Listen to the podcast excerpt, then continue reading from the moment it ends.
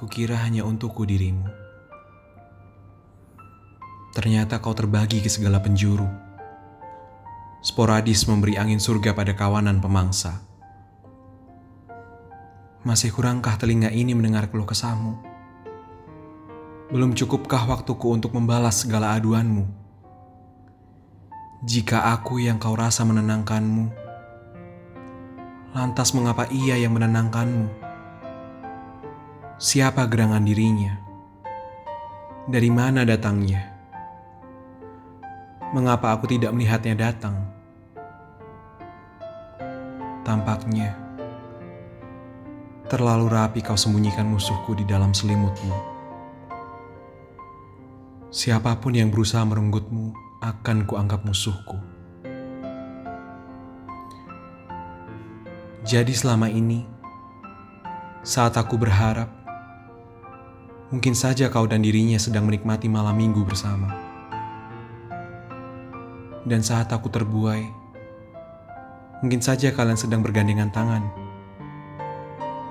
Saat aku hendak membantu masalah-masalahmu, sudah ada dirinya yang menjadi kesatria untukmu. Bravo, luar biasa. Dan kalah sebelum perang adalah perasaan yang sangat menyebalkan. Hari ini, mau tak mau, harus kembali lagi ku pakai topeng senyumku. Kusimpan lagi perasaanku rapat-rapat.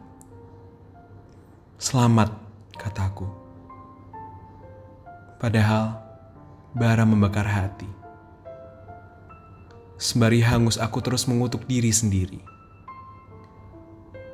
Wahai kau yang berjubah api, puaskah kau menjadikanku arang? Sebenar-benarnya cemburu yang menyakitkan adalah cemburu pada seseorang yang tidak peduli akan perasaan kita. Namun, ini bukan salahmu. Sungguh. Memang aku saja yang tidak pernah cukup berani untuk menjabarkan apa yang sepatutnya kau ketahui. Selamat. Ulangku dengan penuh kemunafikan. Padahal, diam-diam kudoakan ia mati saja. Kau tersenyum, matamu berbinar. Entah lugu atau pura-pura tak mengerti mengenai apa yang kupendam. Dan aku yang bodoh ini terkunci rapat-rapat di dalam labirinmu. Tak tahu jalan keluar.